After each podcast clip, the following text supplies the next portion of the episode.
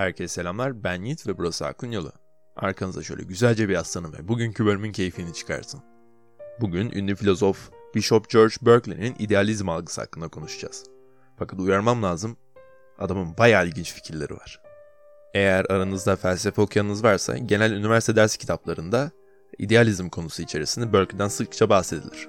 Berkeley, dünyamızı ve dünyamız içerisinde bulunan her şeyi sadece ve sadece en az bir kişi onları gözlemlerken var olduğunu söylüyordu. Peki bu ne demek? Şöyle söyleyeyim. Bir şeye bakmayı bıraktığımızda artık o şey bildiğimiz evrende var olmuyor demek. İşte bu teoriye idealizm deniyor. Fakat burada bahsettiğimiz idealizm kavramıyla ben veya o çok idealist bir insan dediğimizdeki terimiyle karşılaştırmamamız lazım. Bu ikisi tamamen ayrı şeyler. Berkeley'nin bu fikri genellikle şu sözle anılır. Essay est percipi veya İngilizce anlamıyla to be is to be perceived veya Türkçe olarak olmak demek algılanmak demektir. Çevrildikçe çirkinleşti ama ne yapalım? Ee, şansınız şu ki size bunu keyifli bir şekilde anlatmanın yolunu biliyorum sanırım. Şimdi sizden bir şey isteyeceğim.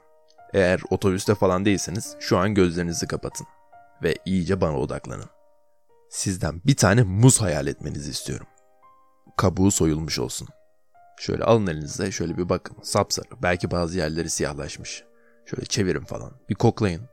İçinize çekin. Çok güzel. Kokuyu aldınız. Şöyle bir tane ısırın tadına bakın. Çok güzel. Şu ana kadar bunu herkesin yapabilmiş olması lazım. Bu yüzden hepinizi tebrik ediyorum. Şimdi işleri biraz daha zorlaştıracağız. Yine bir muz hayal ediyorsunuz ama bu sefer bu muzun bir görüntüsü yok. Yine elinizde, ağzınıza götürüyorsunuz, ısırıyorsunuz, kokluyorsunuz. Her şey orada ama sadece göremiyorsunuz görünmez bir muzunuz vardı diyebiliriz. Durun hatta aklıma bir şey geldi. Ee, şöyle düşünün. Elinizde bir muz var. Muzun her özelliği var. Fakat e, gözünüz bağlı. Muzu göremiyorsunuz. Şimdi bunu hayal edin. Az öncekinden biraz daha zor etmesi ama şu ana kadar yine edebilmiş olmanız lazım diye tahmin ediyorum en azından. Şimdi son olarak şunu deniyoruz. Şimdi efendim son kez bir kere daha muz hayal ediyoruz. Fakat bu muzun kokusu yok. Aynı zamanda tadı da yok. Az önceki gibi görünüşü de yok. Ve elde nasıl hissettirdiğini de hayal etmeden bir muz hayal etmeye çalışın. Hiç ağırlığı olmayan, hiç hacmi olmayan bir muz. Duyu organlarımızı algılamamız imkansız hale geldi. Peki elimizde ne kaldı? Hiçbir şey. İşte olmak demek algılanmak demektir lafın anlamı bu. Bir şeyin var olması için en az bir duyu organımıza algımız dahilinde olmalı. Bizim var olma dediğimiz şey bundan ibaret. İnsan şunu merak ediyor değil mi? Ee, acaba etrafımızda beş duyumuzun algılayamadığı ne kadar çok şey var. Ama bizim bundan haberimizin olması neredeyse imkansız değil mi? Yani efendim bir düşünsenize evrim sürecinde görmemizi sağlayan gözlerimiz oluşmuş. Koklamamızı sağlayan burnumuz oluşmuş. Ve bunların hepsi rastgele gerçekleşmiş. Eğer bu organlar hiç var olmasaydı bu görmek ve koklamak gibi tanımlar hiçbir şekilde aklımıza bile gelmezdi. Hayal bile edemezdik onları. Her nasılsa şu an 5 duyu organımız haricinde başka bir şey hayal edemiyorsak. Çünkü bildiğiniz gibi onlar algımız dahilinde değil. Ee, bana şimdi 6. bir duyu organı hayal edin desem ve bu duyu organının ne işe yaradığını yani neyi anlamlılaştırdığını bunu bildiğimiz 5 duyu organımız tarafından etkilenmeden yapmak imkansız bence. Bir deneyin. Peki gelelim e, bunu zamanında düşünen insanların en çok kafasını karıştıran şeye. Akıl ve düşünce. Peki akıl ve düşünce var mı? Yani sonuçta düşüncelerin bir kokusu, bir rengi veya bir tadı yok. Ama neredeyse var olduklarına eminiz. Berkeley, akıl ve düşünceler dediğimiz şeyi gerçekliğin en temeline yerleştiriyor. Yani diyor ki, az önce konuştuğumuz bu muz olayı var ya falan filan. Hepsi bir şeye bağlı. O da aklımıza her şeyin temelinde akıl geliyor. Ve akıl diğer var olan her şeyden bağımsız. Çünkü hayal edebileceğimiz, olabilecek herhangi bir şey, tüm evren aklımızın içinde yer alıyor diyor. Çok ilginç.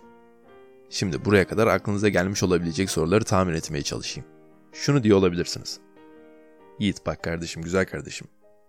Ben neredeyse yüzde yüz olarak eminim ki bir şeylere bakmadığımızda hala oradalar. Yani sonuçta bir bahar mevsiminde yemyeşil yapraklı bir ağaç düşünelim. Sonbaharda yanına gittiğimizde düşmüş olan yapraklarını yerde görüyoruz. Kendisi de çırılçıplak kalmış. Eğer o ağaç ben orada yokken var olmasaydı böyle bir değişim de yaşamazdı. Evet çok haklısınız. Aynen sizin gibi düşünen insanlar da Berkeley'in kapısını çalmış. Kapıyı Berkeley'nin karısı açmış. Demişler ki Berkeley'i getirin. Karısı demiş ki dur çağırayım. Berkeley diye bağırmış. Sağ ol yenge demişler. Sonra Berkeley gelmiş demiş selamun aleyküm. Demişler aleyküm selam.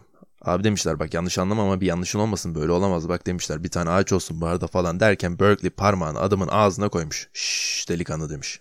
Öyle bir şey yok demiş. Çünkü sen o ağaca bakmadığın zaman onun yok olmamasını sağlayan başka biri ona her zaman bakıyor demiş. Adam şaşırmış demiş ki benim arka bahçemdeki ve hatta köyümdeki ormandaki ağaca kim bakıyor benden başka demiş. Fakat bunu sormadan önce Berkeley hakkında bilmedikleri bir şey varmış. Kapıyı çaldıklarında Berkeley üst katta yatsının ikinci namazını kılıyormuş. Ve demiş ki kimsenin bakmadığı zamanda bile her şeyi gören tek bir şey var o da Tanrı. Gelin çay koyayım demiş sonra karpuz kesmişler falan filan. Neyse bunlar çaylarını içe dursun ben size gelin başka bir soru yanıtlayayım. Peki göremediğimiz şeyler. Mesela atomlar.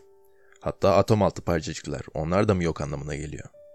Evet doğru onları algılayamıyoruz. Yani doğrudan algılayamıyoruz. Fakat yaptığımız deneylerle mesela parçacık çarpıştırma deneyiyle varlıklarını kanıtlayabiliyoruz. Yani algımız dahilindeler ama dolaylı olarak. Peki en önemli soruyu kaçırdım galiba. Bütün bunlardan bana ne? Veya kimin umurunda ki? Durun bekleyin biraz daha dinleyin. İşin en heyecanlı yerindeyiz. Berkeley bu fikirde aslında iki tane şey anlatıyor. Bunlardan birincisi ancak algılayabildiğimiz şeyler var olmaktadır. İkinci anlatmak istediği şey de mental şeyler. Yani düşünce, akıl gibi şeylerin gerçekliğin tabanını oluşturması. Ve bu da şu anlama geliyor. Evren hakkında söyleyebileceğimiz, bilebileceğimiz, anlayabileceğimiz her şey kalıtsal olarak öznel. Evet öznel. Çok harika değil mi? Hatta nefes kesici. Çünkü bu şu anlama geliyor. Evren, bütün bu kainat bir şeye bağlı. Bir özneye bağlı. Yani bize. Süper bir şey değil mi? Ve bu da baştaki sorularımı yanıtlıyor. Etrafımızda beş duyumuzun algılayamadığı veya şöyle diyeyim algılamamızın imkansız olduğu hiçbir şey yok. Çünkü evren öznel. Mi acaba? Bilmiyorum. Öyle düşünüyorum işte. Fakat tek bir doğru var. O da 6. duyu organımız evrimsel süreçte oluşana kadar bunların hiçbirini bilemeyeceğiz. Ama geçen aklıma şu geldi. Hani biz bu 5 duyu organını evrim sürecini oluşturduk ya.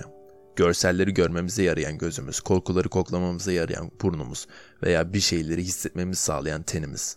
Dünyada hayatta kalmamız için zamanla rastgele şekilde oluşan şeyler bunlar. Peki diyelim ki şimdi e, Mars'ta milyonlarca yıldır evrilmiş olan başka bir tür olsun. Tamamen bizimkinden ayrı 5 tane duyu organına sahip olsun. X şeyini yeğlemek için Z organı gelişmiş. İşte o uzaylı türü şu an yanınızdaki sandalyede oturuyor olabilir. Böyle bir şey olsa birbirinizden herhangi bir şekilde haberdar olabilir miydiniz sizce? Acaba şu ana kadar evrende yalnız olmamızın sebebi bu olabilir mi? Valla ben şahsen söyleyeyim düşündükçe heyecanlanıyorum. Sadece gözlerimizle gördüğümüz, algıladığımız şeyle Mona Lisa yaptık ya biz. Ve hatta Beethoven görme engelli bir kızın ay ışığını görmesi için ay ışığı sonatasını besteledi. İnanılır gibi değil. Bunları yapabilen insan ırkı eğer yalnızca iki tane daha duyu organına sahip olsaydı kim bilir o zaman neler yapabilecekti. Şimdi tekrardan gözlerinizi kapatın ve insanoğlunun büyüsünü beraber tecrübe edelim.